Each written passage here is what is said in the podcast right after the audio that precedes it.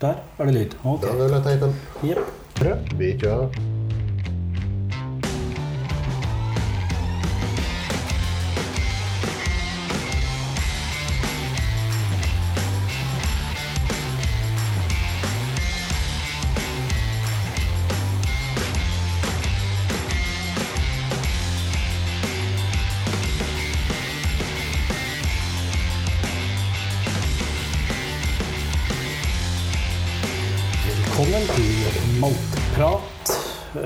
Episode et eller annet i rekka, som jeg ikke husker akkurat nå. Episode 18 og litt. Ja, jeg sitter på kjøkkenet til Are sammen med Are. Og for uh, Maltprat-historiens første gang har vi en gjest. Vi har med Ivar. Hei, Ivar. Hei Are, hei Stian. Ja. Ivar er jo da et kjent navn for de fleste som uh, har brydd seg om eh, maltwhisky en periode. Han er president, det er vel det som er tittelen, i Norsk Maltwhiskylag. Han er brand ambassador for Jons Utvalgte. Eh, driver òg sitt eget lille mm, bruk som heter Whisky Tasting, eh, også kjent som Ivars eh, Whisky and Food på Facebook. Det er riktig. Ja. Og sist og ikke minst så er du whiskybokforfatter og har vært med og skrevet Whiskey-boka. Nei, ikke Whiskey, men Whiskey-vandringer. Eh, som foregår stort sett i Irland, Wales og England. Ja, det er korrekt. Ja. Ja, da klarte jeg, da fikk jeg liksom, da, da har vi starta på riktig fot, eh, føler jeg. Em, vi har jo da selvfølgelig lenge hatt ønske om å få med deg eh, her. Vi tror vi begynte å planlegge dette her eh, i april omtrent. Nei. Det, det Det en må være et halvt år omtrent siden vi snakket om det første gang. ja. Ja. Og, og vi nærmer oss jo etter hvert et ettårsjubileum for hele smella. ja, det gjør vi jo. Det får bli en annen greie. Men ja, det begynner å nærme seg da. Eh, Men da er jo en av de tinga som vi tenkte at du er litt god på, da, er jo det å kunne litt om forskjellige fattyper. Ja, jeg kan uh, litt om det. Litt, ja. ja for du, som du sier, du er li, litt over middels interessert uh, i whisky. Uh, og ja, hvor mange whisky har du smakt så langt i år? Har du, har du fakta? I år eller totalt? Oi, ja, vi Gjerne kan begge deler. ta gjerne begge deler, du. Eh, ja, jeg regner med at jeg passerer totalt 9000 smakte whiskyer i løpet av september. Når Riktig. jeg er på whiskyshow i London. Ja. Eh, Det var, det var mange whiskyer på en måned, altså. I år så snakker vi om eh, hittil i år ja, røftlig 550 ulike så langt i år. ja. Litt over middels interessert, altså. Ja. Ja, Og selvfølgelig snakker vi bare ulike. ja, ja selvfølgelig. Ja. Det må det jo være. Ja. Kanskje ikke veldig ulike alle sammen. Og ikke helflasker. Nei, nei, nei, ja, riktig. Så du, ja. Det er greit, greit å presisere. Ja, Jeg liker å begrense meg litt. Mhm. men når, det, når det er så mange whiskyer, så burde vi jo kanskje tatt opp hvilken strategi har du for å holde øye med hva du har smakt, og hva du ikke har smakt når du står i en bar eller står og blir bytt noe. Når jeg er ute og smaker whisky, så har jeg enten en liten uh, Moleskin-bok eller et, eh, en eh, mobil, eh, må bruke et mobilkamera eller vanlig kamera. Alt sammen registreres i Excel. Jeg har sluttet å stole på hukommelsen når det gjelder hvilke whiskyer jeg har smakt. Ja, det burde jeg ha gjort for lenge siden. For det er mye som er borte. For å være sikker på at jeg har det med meg når jeg er ute, så lager jeg Uh, utskrift i PDF som jeg legger inn i iBooks på telefonen. Komplett oversikt der, altså. Ja. Og da er det tilgjengelig offline òg, så du Ja. slipper å laste ned og være avhengig av ja. For Smart Det er absolutt ikke alle steder i Skottland det er nett å få, f.eks. Det har vært til steder hvor det plutselig ikke er mulig å ha noe dekning, ja. Ja. Ok, litt sånn tilbake at jeg begynte å prate om at du var, eh, hadde peiling på fat. Det har vi nå tenkt at vi skulle på en måte høre litt mer om, mens vi samtidig tar for oss eh, et destilleri fra Northern Highlands. Så to, eh, Tomatin blir dagens destilleri. Er vi helt sikre på at det er rette uttalen, forresten? Tomatin, eller tomatin. eh, Tomatin har jeg hørt noen si, men jeg husker Ja. ikke helt. Jeg vil, jeg vil tro at eh, tomatin er den skotske, og tomatin den engelske. Der ser du. Eh, Tomato og tomat. Tomatin, som vi sier i Hedmarken. Men, Eh, men strengt tatt så ligger det ikke i Northern Highland, men i Central Highland, for det ligger syd for Inverness. Å mm. oh, ja, riktig. Men det 25. er vel eh, nabo... Ja, riktig. 25 km syd for Inverness, sånn cirka. Herlig, her er vi godt, godt i gang med nerding allerede. Ja. Du har, vært Eh, for, du har vært for lite i Skottland, Stian. ja, jeg vet det. Jeg vet det. Jeg bruker alle pengene mine på å kjøpe produktet. Nå er vi egentlig allerede i gang med å liksom helle opp litt flasker mens vi prater, og det går jo bare sånn passe bra, sånn som det pleier. Eh, den, t- eh, altså tomater eh, Begge dere to har vært der? Er det Ja. ja. Det var, vi var der i faktisk muligens samme året, for ca. tre år siden, tror jeg. Jeg vet jeg var der i 2016 i hvert fall. 2016, ja. ja. Og som alle vet, så er jo ikke jeg, driver i jeg Wrestle Skottland, så jeg har ikke vært der. Jeg har jo lest meg til alt jeg kan om at jeg er, eller smakt meg til det eventuelt. Det jeg husker best fra Tomatin-besøket, var egentlig det at det var så pokkers mye kaniner som hoppet rundt alle steder på gressbakken der. Men eh, det var et hyggelig sted. Både Ja. inne og ute. Men det er, jo, det er jo en del sånne kuriøse fakta om, eh, om eh, tomatin. Altså, du må jo vært først ute med en del ting, f.eks. Ok, ja. det jeg Nå skal jeg foredra om, eh, om fakta fra Finland. Eh, Blant annet så er de da det første destilleriet som kom under japansk eierskap. Mm, stemmer? Nå klarer ikke jeg å uttale et eneste navn av de eierne, tror jeg. Jeg har skrevet det på en lapp her, men en ting er at vi alltid sliter med skotsk uttale. men Takara Shutsu Company og Kokuba and Company uh, tror jeg kanskje var de første som liksom kjøpte, og nå så jeg min noe Marubeni Company uh, etter hvert. Uh, jeg vet ikke om det altså, Nå er det jo flere som er eid av japanske destillerier, men, nei, japanske eiere. Men altså er, det, er det for å produsere til det japanske markedet at det er japanske eiere inne? Er det noen Hva vet du om det, dette her, Ivar? Jeg vet ikke om det i utgangspunktet gjelder for eh, tomatin. Eh, Men jeg tror i de fleste tilfeller at det er en snakk om en investering. Ja. Men eh, Japan er jo kjent for ikke å ha så mange regler når det gjelder whisky. Mhm. Så det er jo eksempler på at skotsk whisky er importert til Japan. Tappet under, eh, eller med japanske etiketter og som om det kommer fra et japansk destilleri. ja. Mens det er det skotsk whisky. Mm. Og de har også tappet uh, ting som er uh, uh, en blanding av japansk og skotsk whisky uten at det står på etikettene. ja. Eh, Ben Nevis er jo kroneksempelet der, syns jeg. Ja. De er jo eid av Nikka, og der den store deler av produksjonen som går rett til Japan, blir solgt som japansk whisky. Ja. Jeg innbiller meg i hvert fall at jeg, jeg har da drevet og lest i alle bøkene mine. Um, Jeg, jeg reiser i bokhyllen, som det heter. Eh, og der i en eller annen av de bøkene som sto det at veldig mye av den produksjonen fra tomaten gikk til Japan for å bli til blends.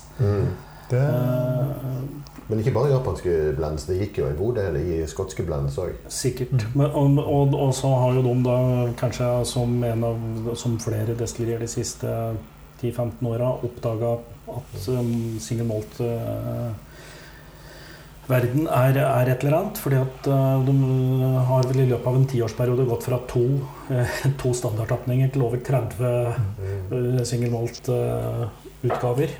Som de må produsere i et eller annet. Men bare for, bare for å sette ting litt i perspektiv. Altså det, på et tidspunkt var var Tomatin Skottlands største whiskydestilleri.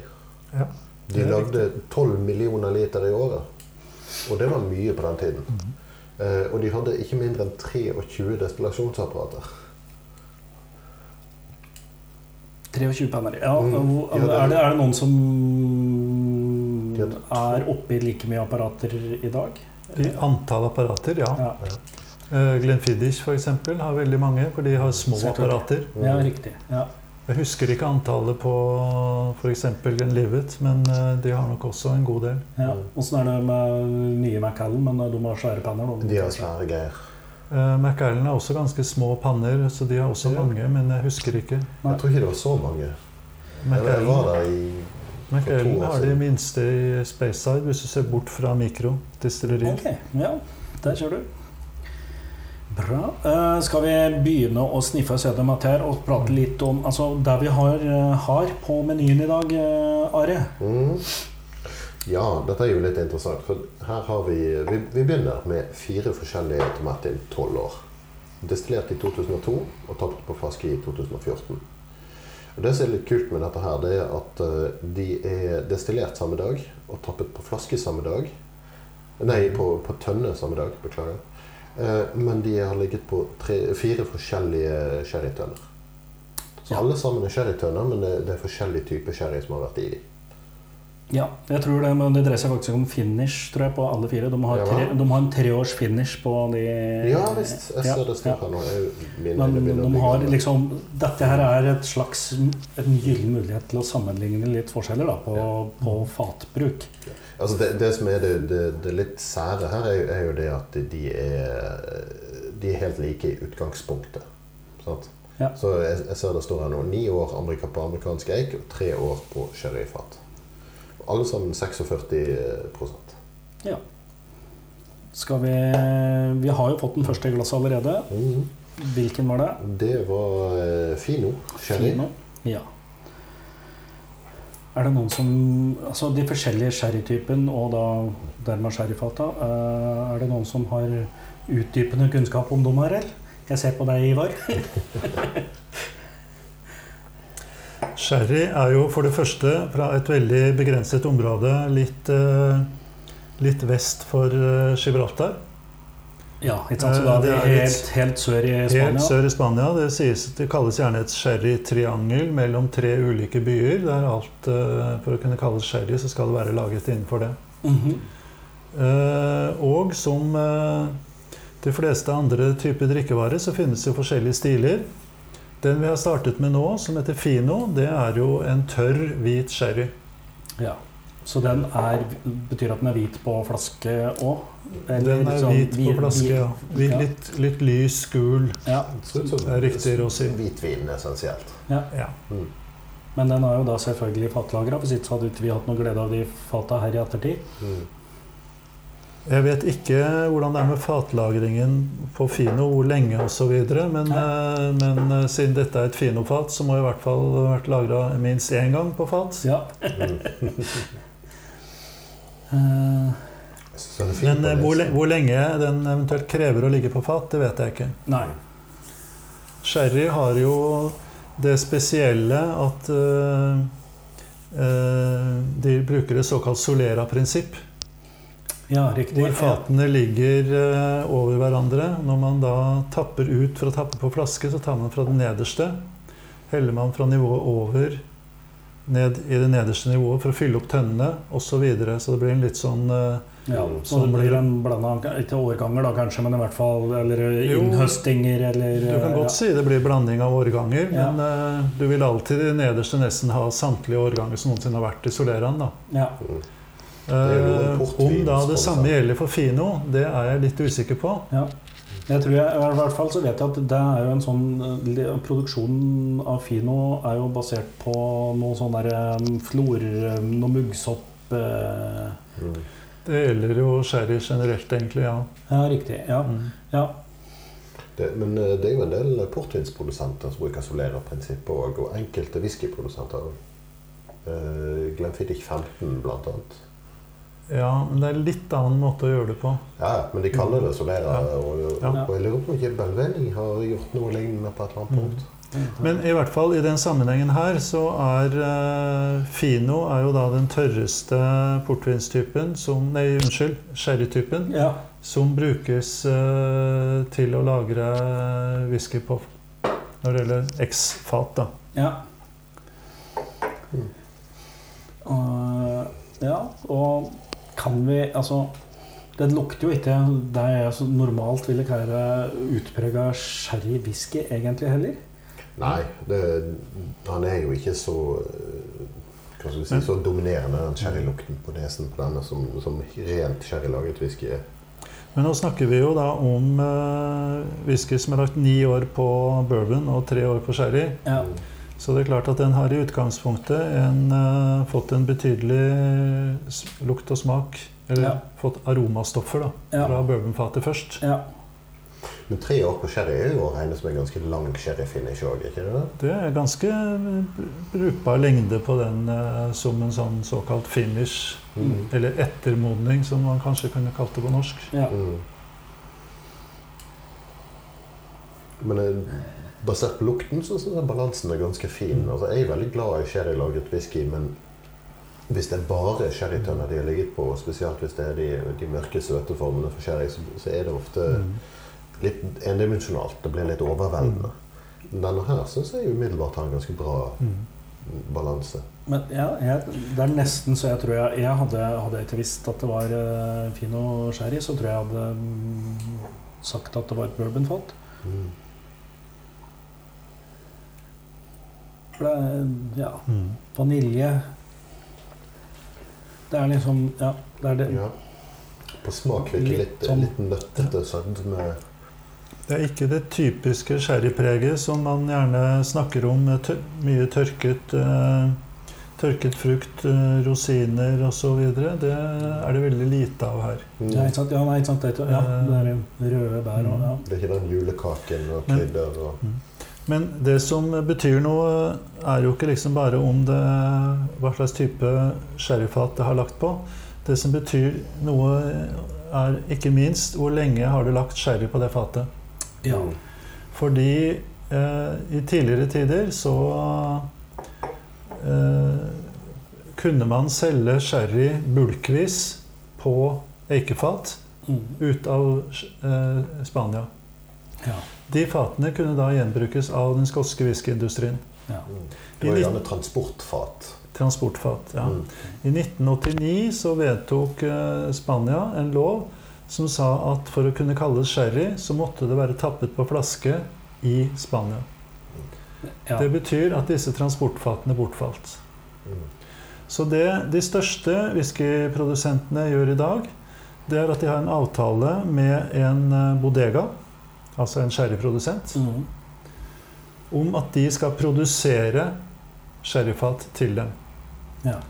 Det som skjer, det er at de tar helt nye ekefat, Mm. som kan være amerikanske eller, eller amerikansk eller europeisk eik, fyller det med sherry, lar det ligge i noen uker, fyller det over på et nytt fat, så får det eh, Så du bruker den sherryen eh, tre-fire ganger, og så går det til å lage eddik. ja. Så fylles det på ny sherry. Og så er det spørsmål om da hvor lenge ligger den sherryen på det fatet. Mm. Det er jo opp til en avtale mellom eh, eh, bodegaen og eh, destilleriet. Ja. Og selvfølgelig har det noe med kostnad å gjøre. ja, ikke sant. Ja. Men den sherryen som da ligger der da, den blir da overført til denne øverste nivået i denne såkalte soleraen. ja, riktig. Så det er rett og slett sherryfat som er Hva skal vi si? Den er rett og slett på en måte sminka for å brukes til skotske whiskyindustrien. Ja.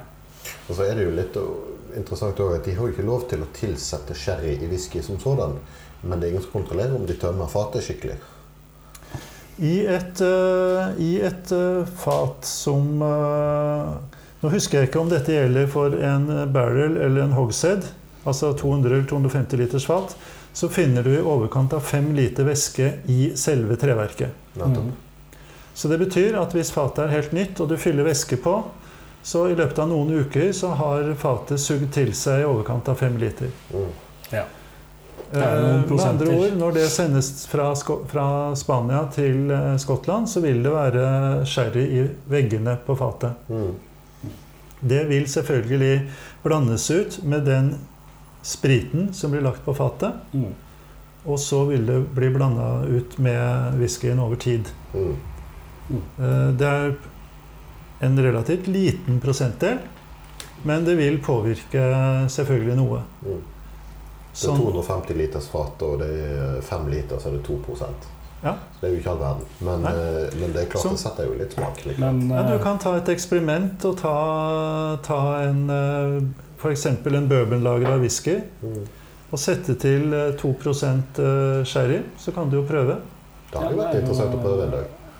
artig eksperiment. Mm. Eh, og det er jo litt sånn altså 2 sherry Ja, jeg vet ikke. Altså, det fins jo andre smakskomponenter som blir veldig fort tydelig. Altså, røykpreget. Der har vi ikke, snakker vi jo ikke om prosenter i det hele tatt. Så Mm. altså, det har jo åpenbart innvirkning. Nå har vi fått uh, klart å tappe opp en til mens vi, mens vi prata, og det var eh, Dette var eh, manzanilla. Manzanilla-fatet, ja. Eller fata. Eh, hva er egentlig forskjellen på fino og manzanilla? For etter manzanilla er en tørr hvit sherry, er det ikke det? Det er en, jeg tror den er hvit, den også. ja. Jeg er litt Ja. usikker på manzanilla. Den kjenner jeg veldig dårlig. Men det sies at manzanilla-sherryen har litt saltpreg i seg. Ok.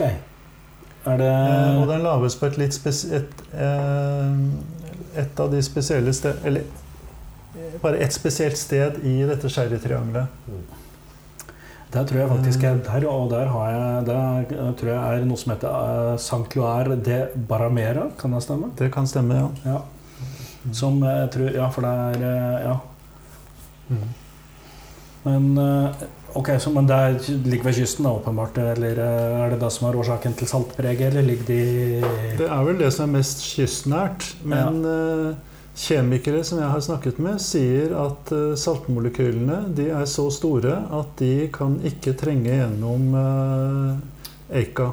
Nei, riktig. Ja, ikke sant. Så, ok, ja, Sånn det er interessant. det er veldig mange som Og salt har et kokepunkt som er langt høyere enn både sprit og vann. Ja. Så det- man mener vel at uh, saltpreget må komme av andre ting. Ja, det, det var det jeg skulle frem til. Det, det er jo en del andre smakstilsetninger som kan gi inntrykk av salt. Ja, Det er jo f.eks. ikke eple i, eh, Mm. i whisky. Sant? Det er ikke sitron i whisky, selv om mange sier det lukter eple og det lukter sitron. Men det er jo en veldig sånn Så det- fin det de- historie å fortelle om salt. Er jo at, eh, for det det er fordi at vi har lagret fata vårt rett i sjøsprøyten uh, på Aila. Det er en del Ja. som påstår det, ja. Ja. Ja, blant, blant annet Kalila, som lagrer tingene sine i maks 14 dager på Aila, og så skipper de det rett til fastlandet i fjor- Det er 14 dager nok for å få saltpreget. Ja, men uh, hvis dette her er en relativt lik sherrytype da, som Finoen, men muligens med en litt sånn saltere preg Jeg syns han var litt røffere i kanten i smaken. Det, det var litt mer alkoholpreg på han, syns jeg. Og de er jo akkurat like sterke i utgangspunktet. Ja, det, er helt, det er helt klart en forskjell på dem. Ja. Jeg syns den eh, første virket litt tørrere. Ja. Mm. Er Litt mer behagelig sødme òg, syns jeg. Ja, for det er eh, Det begynner å nærme seg der jeg forbinder med sherry. Mm. Eh, og der jeg forbinder med sherry altså, Jeg drikker jo ikke sherry fra flaske. Jeg drikker jo whisky med eh, sherrylagring. Mm. Så det er det jeg mener når jeg sier sherry. Mm. Eh, men eh, fortsatt ikke Ja. Jeg måtte sjekke litt her, i og med at jeg ikke var helt inne på dette med manzanilla her. Og det, Ja. det sies at eh, manzanilla det er en variant av finosherry. Riktig. Ah, Og eh, et sted så står det faktisk at fino er tørr, og manzanilla er svært tørr. Ok. det får jeg egentlig til å stemme bedre med smaken på whiskyen òg, altså. For jeg, jeg syns nummer to var tørrere enn nummer én, egentlig. Det gjør mer motstand på vei ned. Jeg er søren ikke sikker på om jeg er helt enig i det. Ja. Ja, ja, men du har lov til å ta feil. Det er helt Ja. greit.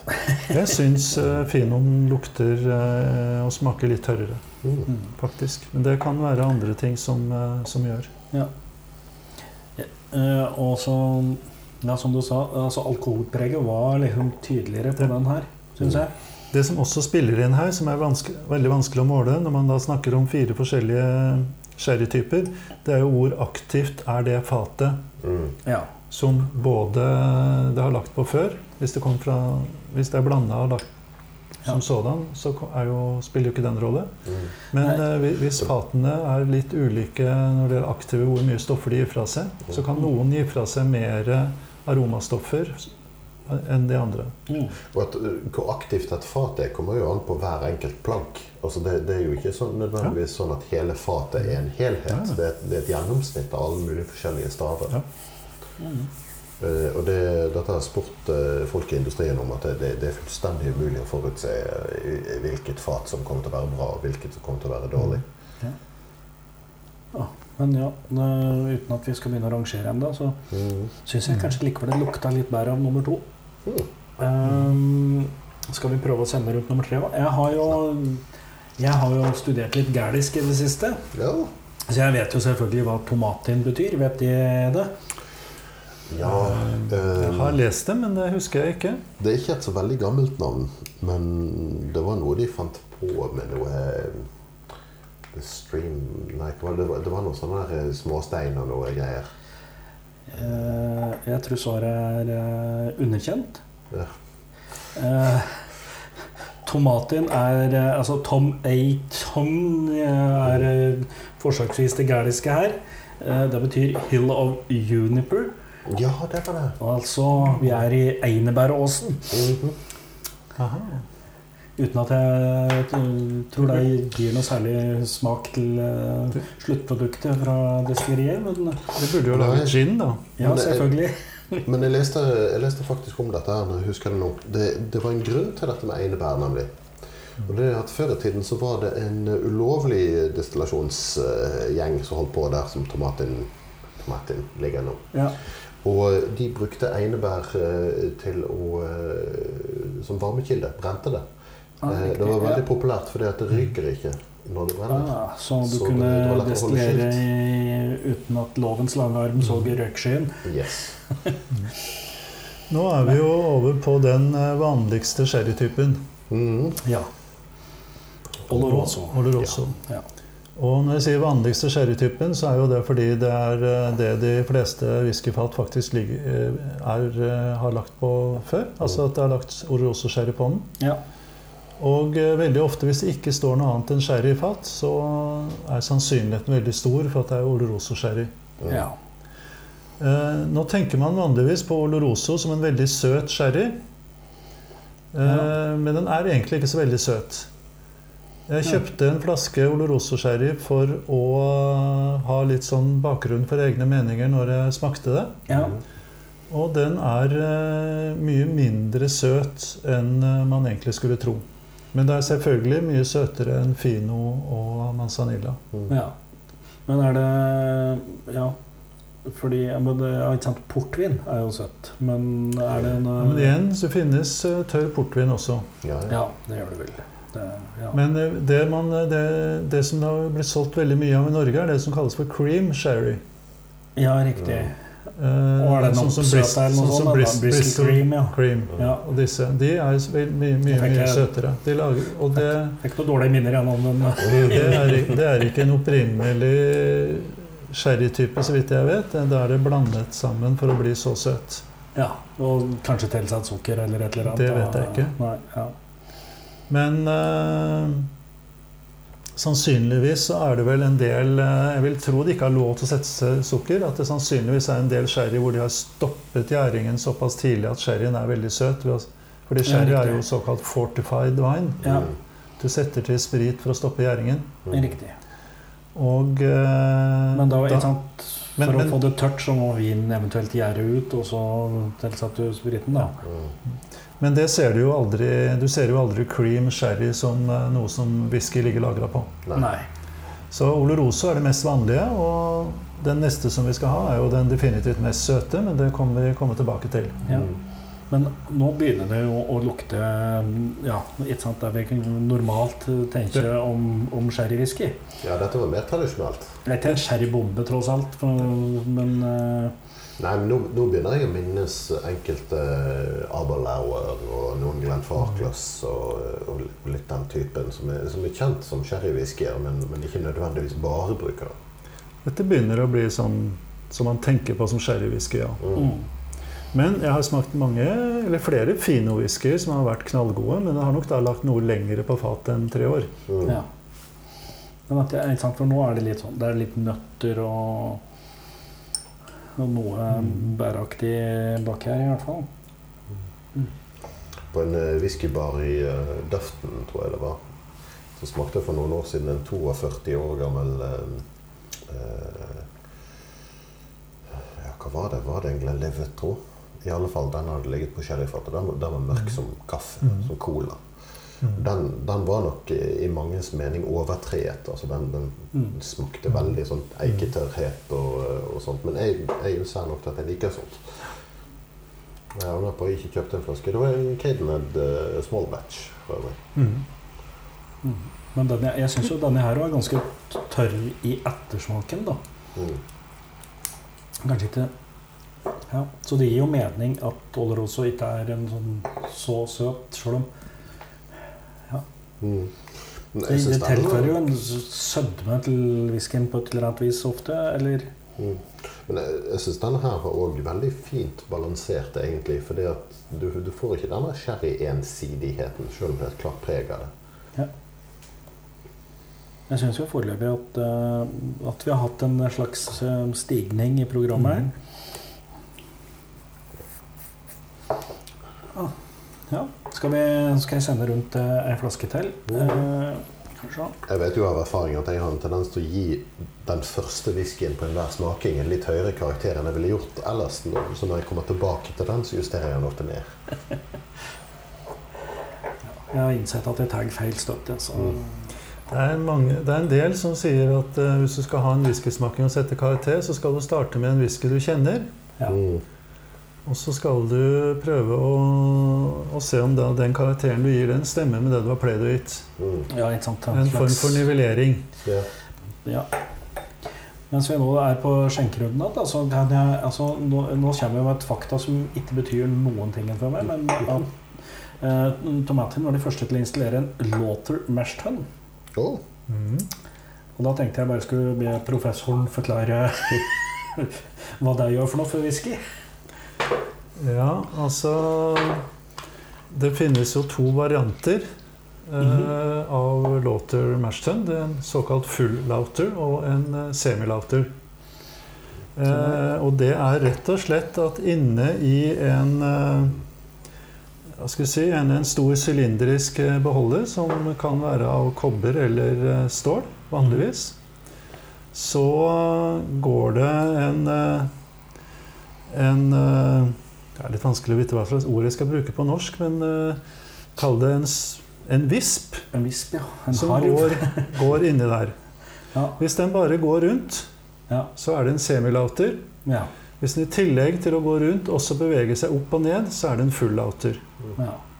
Og det den gjør, det er rett og slett altså, Dette er jo på det stadiet hvor man har malt malten. Mm. Uh, får en blanding av eh, mel og kli og osv. Og du gjør dette for at ikke det skal eh, rett og slett eh, klumpe seg sammen. ja. Mm. Eh, Fordi hvis det klumper seg sammen oppi der, og alle som har holdt på med vann og hvetemel, vet jo at dette har en tendens til å klumpe seg. Riktig. Ja, Og selv om de ikke bruker hvetemel, så er det samme effekt. Mm. Ja. Som Så det er for meg som da har hatt sommerjobb på renseanlegg, så Ikke helt relatert, men der gikk det flokkeler, antiflokkeleringsgreier i, Ja, i bassenget inne på renseanlegget. Riktig, så du kjenner deg igjen. Ja. Jeg var nettopp på besøk på et destilleri. Jeg skal ikke nevne navn, men der hadde de eksperimentert med litt forskjellige prosentandeler mel og kli Ja. og, og den slags. Og så hadde de økt prosenten mel litt vel mye. Ja. Og så hadde de tatt helg. Ja. Når de kom tilbake, så var det bare akkurat som betong i bunnen av Ja. Ja. utstyret. Det, det tok de dagevis å få dette rent igjen. Det er en del bruker 80-10-10 eller 70-10-20. Mm. Men Og eh, den blandingen er ikke bare for at det ikke skal klumpe seg, men den blandings, det blandingsforholdet der, det er også for at du skal trekke ut mest mulig sukker av masten for Mm. å få mest mulig sprit. ja. Men har det noen effekt på smaken, om det er det ene eller det andre? Full eller semi har ingenting for smaken å gjøre. Nei. Det som har mer med smaken å gjøre, det er da temperaturen på vannet du bruker for å trekke ut uh, sukkeret. Men ikke, ikke om det er en full eller semilauter. Uh, Nei. Og Det, det er ikke det som er dagens tema, sånn sett, men det, det varierer jo veldig hvilke temperaturer de bruker på de forskjellige vannrundene, og hvor lenge de gjærer og sånne ting. Og det, det er spennende nok, men tema for en annen dag. Nå er vi jo nå, Men nå har vi fått fylt opp med nummer fire i glasset, så det, Ja, og da er vi over på den uh, søteste og mest uh, klissete sherrytypen. mm, Pedro Ximinez, Ja. eller bare PX. ja. Og de som ikke har smakt PX-sherry, de eh, kan gjerne gjøre det, men vær forberedt på at man smaker ikke så veldig mye resten av kvelden. Okay. For den er såpass søt og klissete at den legger seg som en skikkelig eh, hinne i munnhula. Sirupaktig, nesten. Så det sies at spanjolene stort sett bruker den som eh, saus på is i stedet for å drikke den. Aha, riktig. Mm. Ja, det gir mening, ja. Og der har vi desserten på neste whiskyparty. ja. Mm. Dessertwhisky. Ja. Men uh, Ja, den, eh, det er jo en eh, forskjell i lukta her. Du kjenner at den er betydelig søtere. Ja. Mm. Mm. Om den er bedre, det er jo en definisjonssak. Ja, det Men nå, nå kan man jo vurdere å- nerde litt ekstra da, og, og tenke ok ehm, Hvis denne her er søtere og seigere, trenger den da så mye inn i treverket som andre sherryer gjør?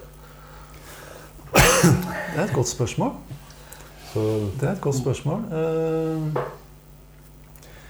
kommer kanskje litt an på porøsiteten på det treverket som har vært brukt til eh, fatet. mm, kan- Amerikansk eik eller Jeg kan ikke huske å ha sett noe om det i noe litteratur. Mm. Mm. Men nå er vi jo faktisk i nærheten av eh, en annen ting som vi ikke har snakket om, og det er eh, selve treverket. Hvorvidt det er amerikansk eik, hvite eik, altså Quercus alba, eller europeisk røde eik, Quercus robur, som er brukt. Ja. Hvilken påvirkning har det på smaken? Bare en liten korreksjon først. Eh, robur er også hviteik. Jeg har alltid hørt den man sier, van- man sier vanligvis det bare om, eh, om eh, den amerikanske. Mm. De to hovedtypene, som er hviteik og rødeik, så brukes rødeik vanligvis bare til møbler, eh, bygningsindustri, hage, sånne type ting. Akkurat, Jeg har hørt mye Sånn at- snakk om rød eik i whiskyproduksjon, så det, så det er altså ikke riktig. det tror jeg kommer av at du bruker robur. At folk misforstår det. At det er eh, ja, rød. Mm. Men eh, de kildene som jeg stoler mest på, de sier faktisk at det er, er også hviteeik. Nei, Jeg har vært på diverse destillerier der de har snakket, snakket om rød eik som tønnemateriale. Men ja, Jeg har for lenge siden slutta å stole på alt, i hvert fall en omvise sier på et destilleri. sant. Veldig ofte så er det studenter i samme jobb som Ja. har blitt fòret med noen notater. og Men det spiller for så vidt ikke så stor rolle hva vi kaller det, fordi det er forskjell på Uansett så er det forskjell på amerikansk og europeisk eik. mm. Mm. Og det man da sier, er at uh, 90 av eh, eh, whiskyfatene som brukes, har det vært amerikansk whisky på før. Mm. Men 97% av fatene er av amerikansk eik. Mhm. Og forskjellen utgjøres av det at uh, f.eks. sherry også lagres på amerikansk eik. Mm. Ja. Så det er ikke bare amerikansk whisky som kommer fra amerikansk eik, men amerikansk whisky må alltid Mm. ligge på ny amerikansk eik. Mm. Nettopp. Men så er det jo av og til du ser det spesifisert at det f.eks. er fransk eik, eller jeg har sett tsjekkisk, og, og jeg har sett noe fra eh, Var det Svartehavet, havet, eller noe sånt? Ungarsk, eh, Ja, det- svensk og Den vanligste, vanligste eiketypen i Europa er jo Kverkus robur. Mm. Eh, og den som brukes mest til whiskyproduksjon, vokser i Spania og Portugal. Eh, franske eika, som gjerne er sånn du gjerne kaller limousin eller limousin og osv., det er også, så vidt jeg vet, Quercus robur. Mhm. Så har du en variant som heter Quercus petrea. Mm. Den kalles også skogseik eller bergeik. Mhm. Eh, eller bergeik er vel det vanlige. Eh, du nevner ungarsk eik, som f.eks. et norsk eh, destilleri har benyttet. Mm. Det har også et annet, en annen variant, som jeg mener heter Kverkus frainetto. Mm. Så det finnes en del ulike varianter. Men de to vanligste i Europa er Kverkus robur og Kverkus petrea. Mm. Den såkalte svenske eika, det er Kverkus robur. Ja, riktig. Så det er egentlig bare geografien, eh, men samme Det er bare geografien, men eh, det kan ha en viss betydning, fordi Ja. vi vet jo at eh, ting som vokser langt nord, vokser saktere og utvikler seg på en annen måte enn ting som vokser i varmere land. Ja. Det, det spesielt porositeten kan være forskjellig? For eksempel, ja. Tettheten mellom årringene, eksempel. Mm. Mm. Og den svenske eiken, er det den samme som vokser i Norge? Ja, så både Sverige og Norge har Quercus robur og Quercus petrea. Mm. Eh, Men jeg undersøkte hva som var brukt til eh, Det var jo Mackmyra som startet med såkalt svensk egg, Mm. og det var Quercus robur. Akkurat. Mm. Og Og hvis, og hvis den har holdt i Norge, så må den jo hete norsk egg, da. Eller Jeg eik. skulle tro det. Ja. Mm. Norwegian wood. Norwegian food. Da, Men, uh, ja, der må jo noen snart uh, Myken, hører de oss? ja, sant. Men, eh, men så har du jo diverse andre òg, bl.a. japansk eik, som, som eh, man har eksperimentert litt med også i Skottland. Men det har en tendens til å være veldig sjeldne og dyre ting. Ja, jeg tror nesten vi blir litt langt tema hvis vi skal dra inn det nå. Ja. Det får vi ta når vi skal prate om japansk, eh, Ja, japansk eik spesial. Men jeg vet blant bl.a. 20 Bormaux har utgitt spesialwhiskyer på, på japanske fat. Og det ble solgt ut på veldig kort tid og til veldig mye penger. Men som, mens vi nå sitter her og prater oss bort Mm. eh, syns, Hva syns vi egentlig om den siste? Vi syns den var søtere, og det var omtrent det. Jeg, jeg får en litt sånn derre Det som jeg av og til litt liker med sherry, dukker litt opp her. Litt sånn derre Et eller annet sånn plastikkaktig, gummiaktig som jeg får i ettersmaken. Mm. Eh, og jeg har egentlig aldri tenkt på om det er eh, Oloroso eller PX som forsyner meg med den tonen der, men det kan jo hende at jeg skal være litt obs på at det kanskje kan være PX, da. Mhm. Jeg syns det var spennende at alle disse fire er 46 Mm. men for meg føles det veldig forskjellig alkoholstyrke på den. Ja. Skal vi eh, Vi må jo rangere litt, men skal vi Skal vi åpne den siste flaska di, Are, for å liksom bli ferdig med sherry og gå over på bourbon? Mm. Da tar vi eh, Ja, vi har flere alternativer her, ja. Kanskje vi skal avslutte med, eh, med den spesialen til Ivar? Ja, her har vi òg en spesial. ja. Ja, vi klarer to til. Ja, og ok, Denne her er en ti år gammel uh, tomatin som har ligget på bourbonfat. Og den er kjøpt på polet i Norge, men den er nok dessverre ikke lenger å få tak i. Nei, men da kan vi jo si at eh, den, jeg tror den uh, Quattro-serien, som hører hvor jeg er i spansk, eh, var tilgjengelig på polet. Jeg innbiller meg det. Ja da. Ja. Men ja, som vanlig var da. Ja. Ja. Um, denne tiåringen den eh, er utgitt i 120 flasker. Den er destillert i 2003 og tappet på flaske, eh, på, eh, jo, på flaske i 2013.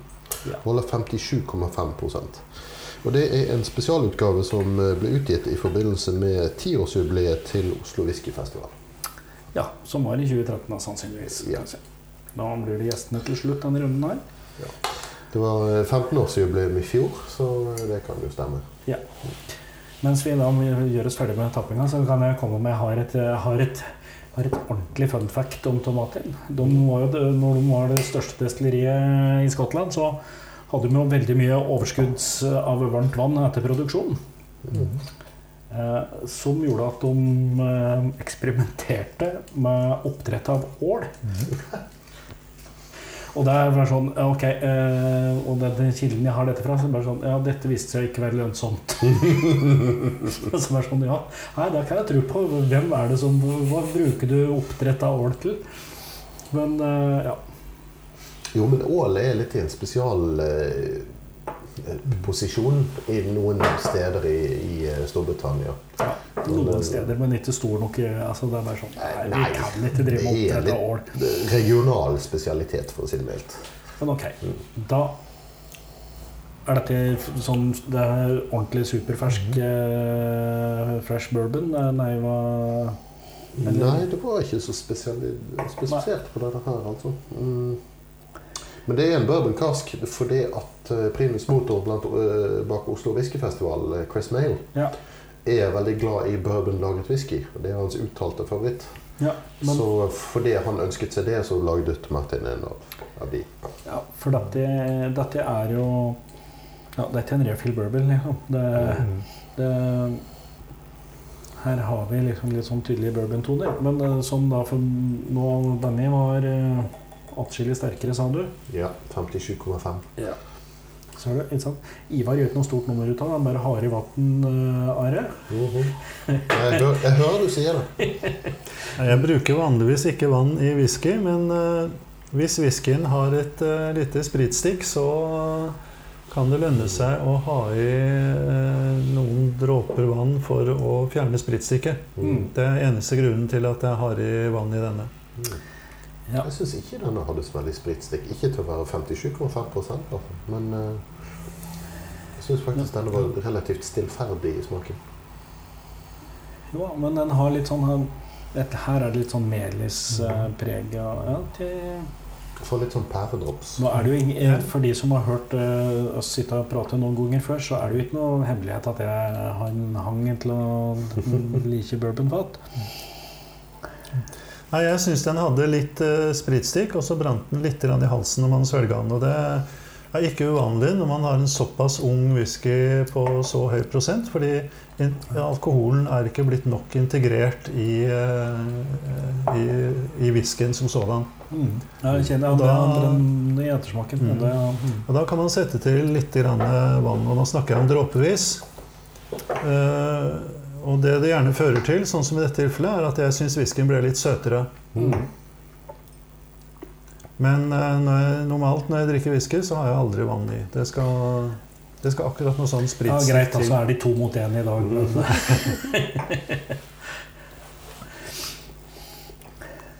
men den, blir, ja, den blir definitivt litt sånn søtere på lukt. Det er nesten sånn Åh, åh, Hva er det det heter? Sånne der blomster som Hylleblomst er det jeg sitter her og tenker på, faktisk. Ja, så jeg pleier å si at det er jo nok vann i whiskyen fra før av, så hvorfor skal man sette til mer? Nei, det er jo for at det skal smake og lukte bedre. Det er mitt svar på det. da. Eh, ja, men nå, nå tror jeg i hvert fall jeg har funnet eh, riktig mengde vann til lukta. Ja, Ja. og den, ja, den brenner ikke like. Ja, det, det, men dette her er jo veldig typisk eh, Ja, ikke refill bourbon, men en, eh, det må være en first fill. Men det sto det ingenting om, sa du? Nei, men jeg vil tro det er first fill. It makes Ja, sense. jeg, ok, da. Jeg påstår at det er first fill. Så får det stå på min regning. Mm. Ja. Ja. Mm. Søtt, kanskje.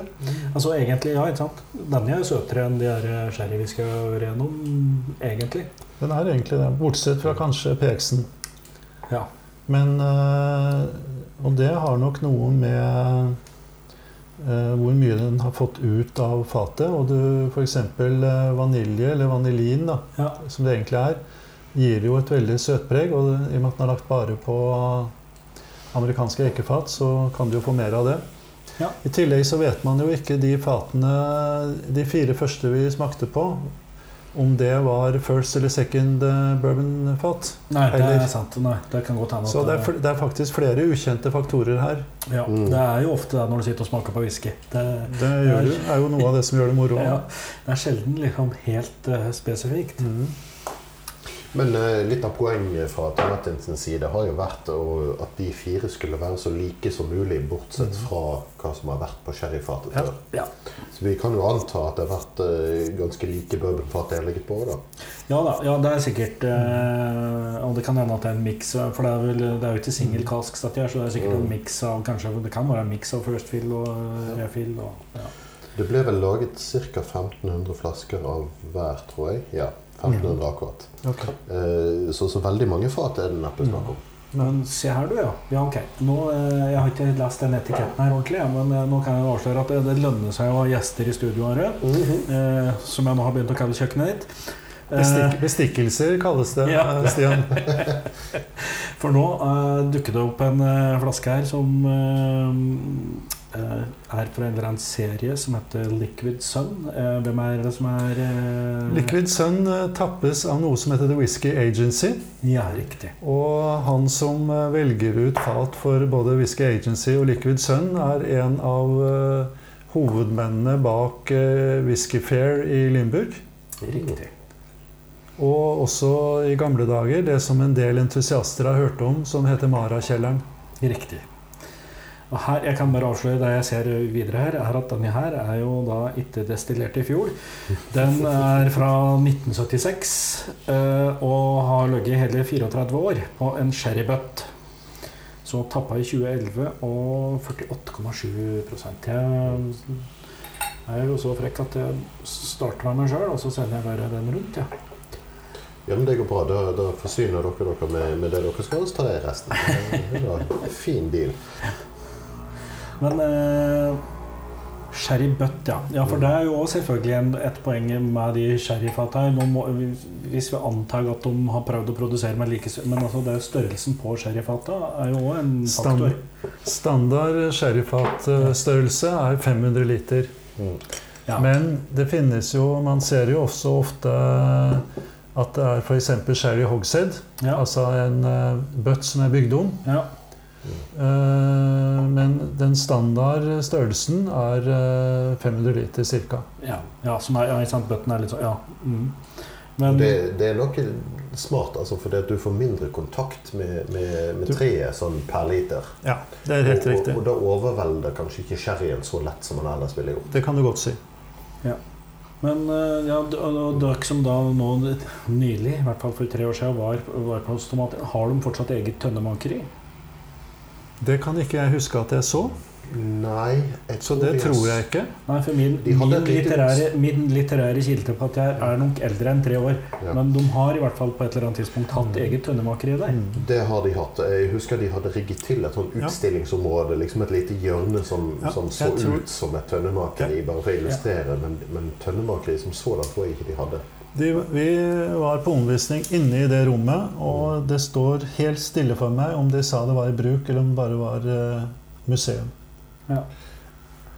Jeg tror ikke det var i vesentlig bruk. Det er mulig de brukte det til noen små eksperimenter. og, Det er mulig sånt. de bruker det litt til småreparasjoner, men Ja. eh, Jeg Men ikke i til tror det noe var det. stor stil, nei. Nei. nei.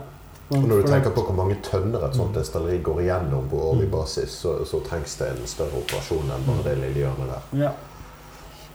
Men eh, å ja, nå, nå er vi dypt nedi i, sherryen her. Er det ikke laget noe bourbonfat først, eller noe som helst?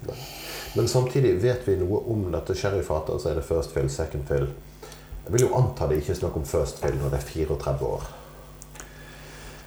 eh, noen whiskyer eh, klarer det hvis du har et litt kraftig destillat. Mm. Eh, men det er ofte ofte noe av eh, utfordringen at uh, man ikke får vite all sånn type informasjon. Nei. Eh, jeg har nok her bare notert meg at det er en sherrybutt, og da har det ikke stått noe annet på etiketten. Nei. Mm. Men den er Så, jo og det er en ulempe, kan man si, at en del produsenter eh, kunne godt vært litt mer eh, rause med å gi oss eh, nerder litt eh, mer fakta. Sant? Ja, men også er det vel også litt sånn I hvert fall når ting begynner å bli litt eldre, så har de vel kanskje ikke data på det sjøl heller. Helt korrekt. Mm. Det er ofte mangel. Mm. Det er derfor det står eh, Ja. fat. Det er lagret på fat.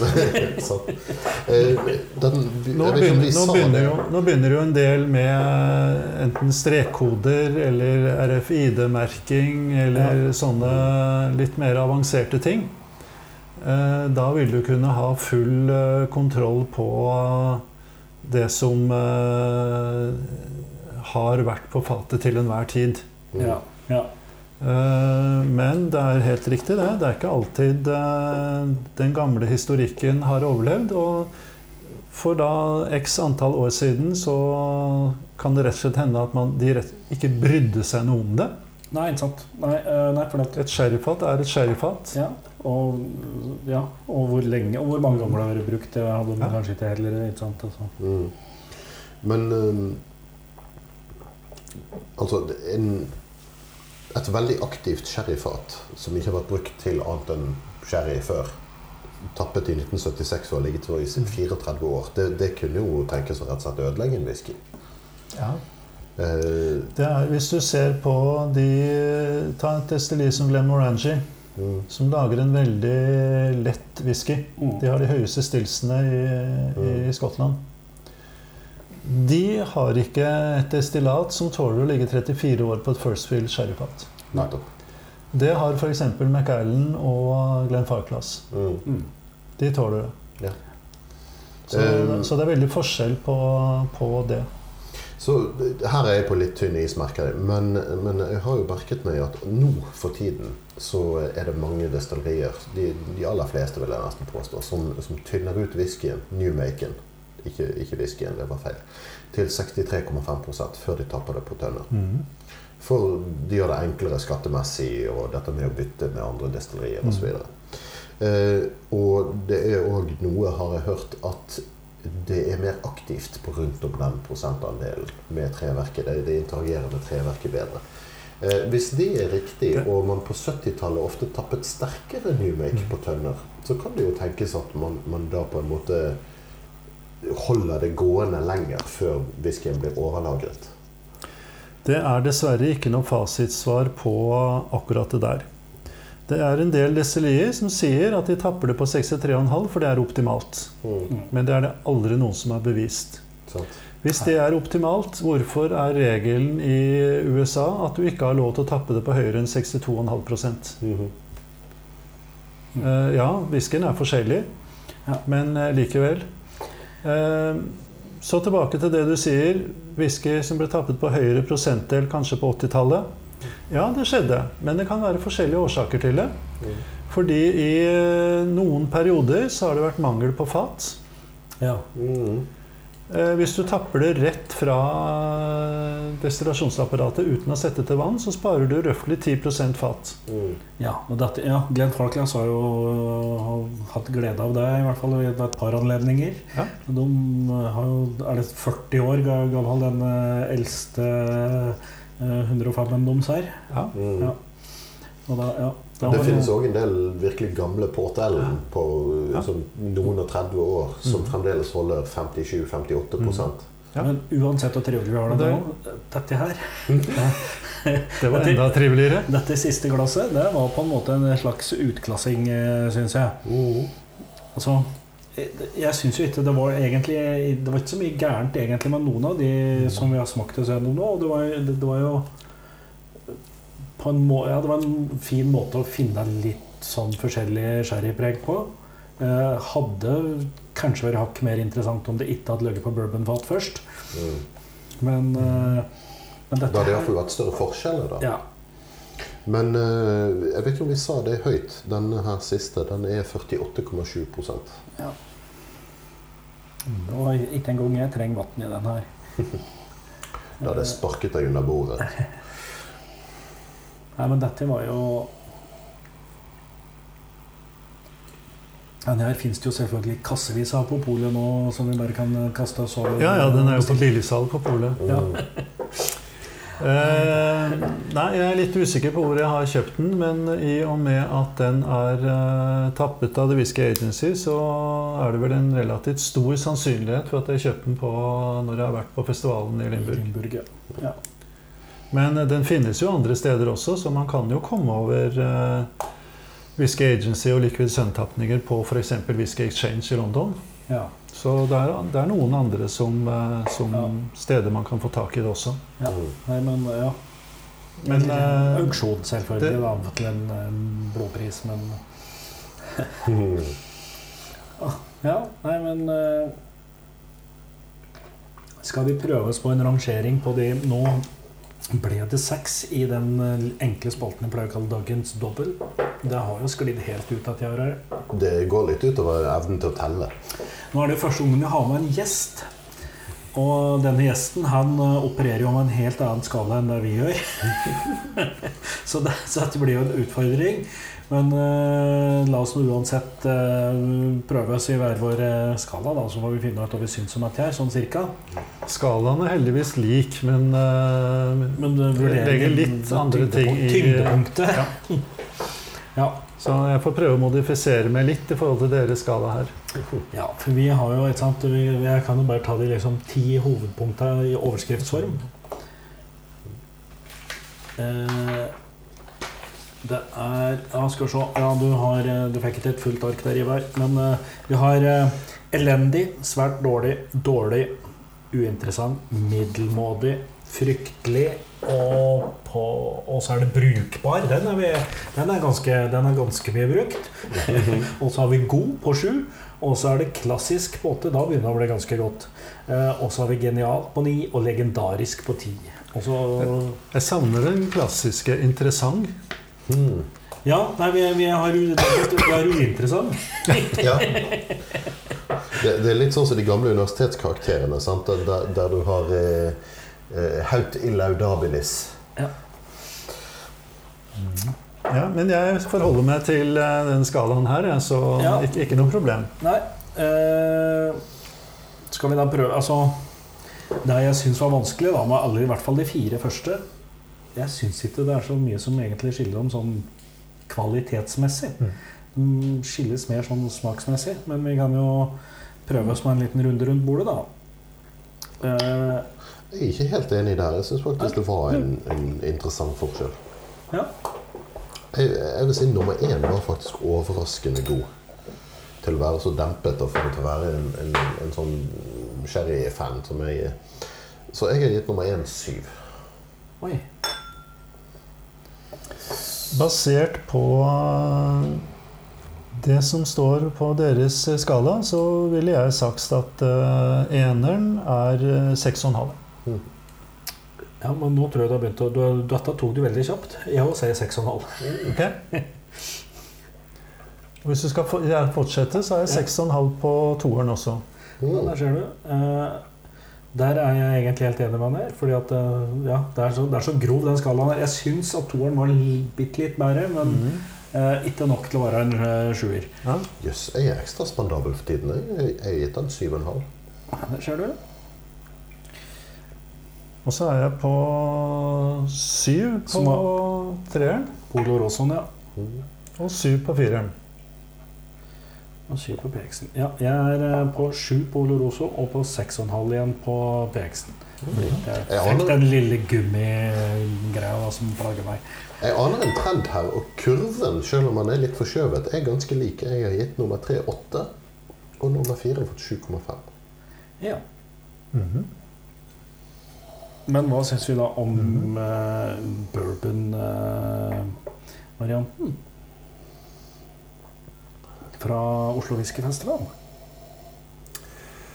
Ja, den var hakket bedre, synes jeg. eh, Selv om eh, du hadde litt spritstikk der. Så hvis, hvis man fjerner liksom spritstikket og går ned på de smakene og luktene man har, Ja.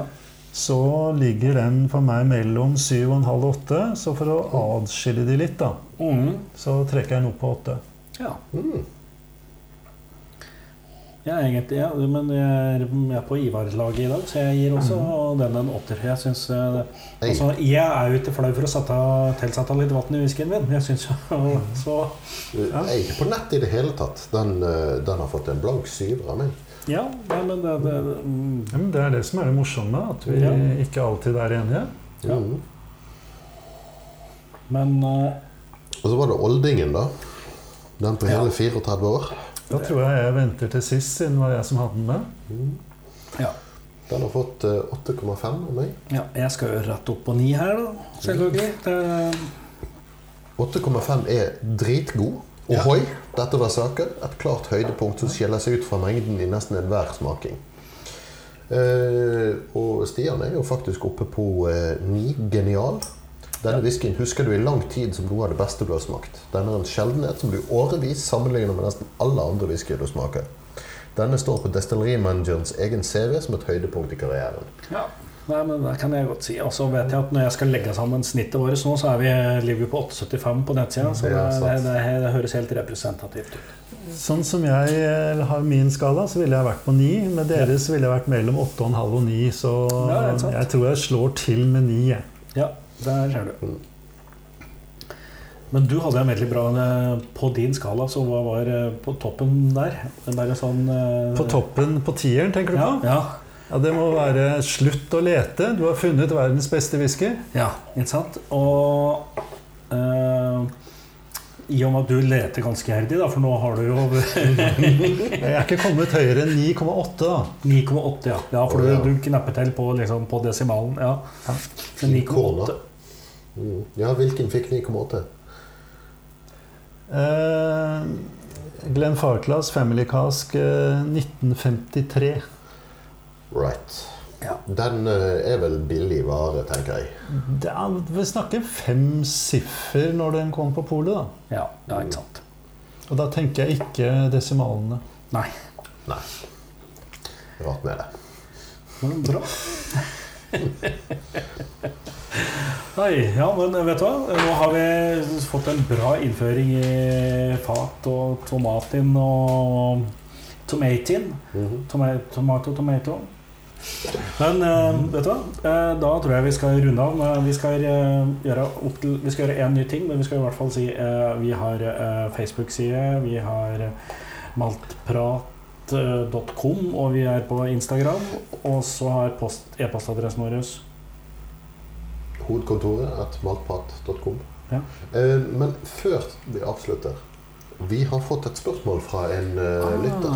Ja, dette her eh, har, du, har, du, har du lytteren på tråden? Eh, jeg har sendt eh, spørsmålet ut eh, til vår jury i, eh, i utgangspunktet, men eh, Skal vi se Han har vært på et distilleri på Isla der det ble nevnt at Wild Turkey is known for their high rye mash bill, og at det bør sette sin preg på whiskysmaking.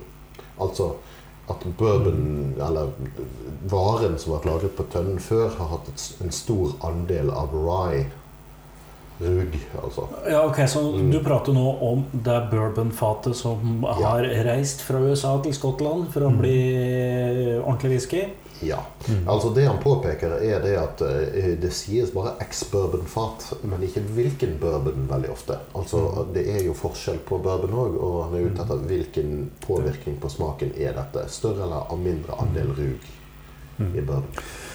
Det, det er for så vidt et interessant spørsmål, men eh, det er også en del eksperter som sier rett og slett at det som har vært på fatet, betyr egentlig ingenting. Det er fat, eller så eiketypen, som betyr mest. Så kan man jo diskutere, da. Vi har jo funnet ut at det nå var forskjell på fire ulike tomater eh, som har vært på fire ulike sherryfat. Ja. Det er ikke noe tvil om det. Mm. Eh, Det som eh, faktisk eh, jeg syns hadde vært et mer interessant spørsmål, var jo å si hvorfor står det ikke noe om at det har vært på et, en rye whisky-fat eller en wheat whisky-fat? Ja. Mm. Fordi amerikanerne har en utrolig stor mengde av eh, whisky. Bourbon betyr jo bare at det er 51, minst 51 mais. Mm. Eh, så må det være en del Eller det er vanligvis en del eh, maltet bygg for å få konvertert stivelsen til sukker. Mm. Men i USA har du lov til å sette til uh, dette som uh, på en kunstig måte. Ja. For, det, for det er bare bygg som inneholder nok av disse enzymene som konverterer stivelse til sukker, så du er nødt til å ha en viss andel bygg Ja. i blandingen. Ja. Maltet bygg. Mm. Ja. Men i Men, USA har eh, vel lov det til er- å tilsette Jo, enzymer kunstig. USA og Canada kan Mm. gjøre det. Men eh, ikke sant, det som eh, Det er for så vidt riktig eh, spørsmål. Men at Wild Turkey har en high rye mash bill, betyr ikke nødvendigvis at de bruker kanskje 5 eller 10% mer enn mange andre. Mm. Derfor hadde det vært mer interessant å vite om det har vært rye whisky på det, eller bourbon whisky, eller ja, wheat-whisky. Ja, ikke sant? For da begynner vi å nærme oss Ok, da er det PX Soleros også. Ja, og du har til og med corn whisky, som er minst 80% mais. Ja. Mm. Eh, Men det er ingen eh, som pleier å gjøre det. Det jeg ser, er at det er noen nye destillerier, inkludert eh, Glenallachie, som ikke er et nytt destilleri, men har fått nye eiere, som nå har begynt å skrive at eh, whiskyen har vært på f.eks. fat fra Coval. Ja, det har jeg sett. Coval det, er en eh, produsent i USA som produserer både bourbon og rye og litt forskjellig. Mm. Så Jeg tror Men om det, de gamle destilleriene gjør det, det kan man eh, jo lure på. Mm. Det man kan anta, er jo at hvis man eh, kjøper whisky fra destillerier som er eid av samme morselskap, samme konsern, Mm. så er nok sannsynligheten stor for at i hvert fall flesteparten av fatene kommer fra det morselskapets amerikanske destillerier. Ja.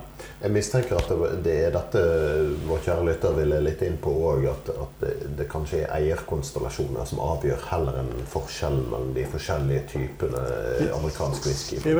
I veldig stor grad så vil eierkonstellasjonen eh, spille inn, ja. For det er klart det er billigere å få fra, fra de. Mm. Eh, så ja. Mm. Men eh, for så vidt, spørsmålet er interessant, men, eh, men eh, Men umulig å svare på. Nei, jeg kan ikke svare Nei, på det, rett og slett. nei, det er jo Det er dessverre ikke vanlig å gjøre det. Nei. Du må rett og slett gå på lageret sjøl og se hvor er flertallet av fatene kjøpt fra, for å kunne ha en noenlunde Ja. Mm. fornuftig måte å se det på. Ja, og hvis det da kommer fra noen som produserer både rye og bourbon, så er kanskje ikke fatet engang merka med hva som har vært i det opprinnelige destillatet. I tillegg så blir det litt for enkelt også å bare si Wild Turkey, Wild Turkey for så vidt produserer bare standardting. da. Men hvis du ser på de største destilleriene, som f.eks. Heaven Hill, så er det veldig mange ulike mashbills. Ja. Mm. Så da må du til og med ikke bare vite hvilket destilleri det kommer fra, men hvilken type amerikansk whisky som er lagt på det før. Nettopp. Men det er vel ikke så stor variasjon i det som det er i f.eks. disse sherryene vi har eh, smakt? Eh, Jeg vil påstå at det ikke er det, men eh, jeg har tatt feil før. Ja.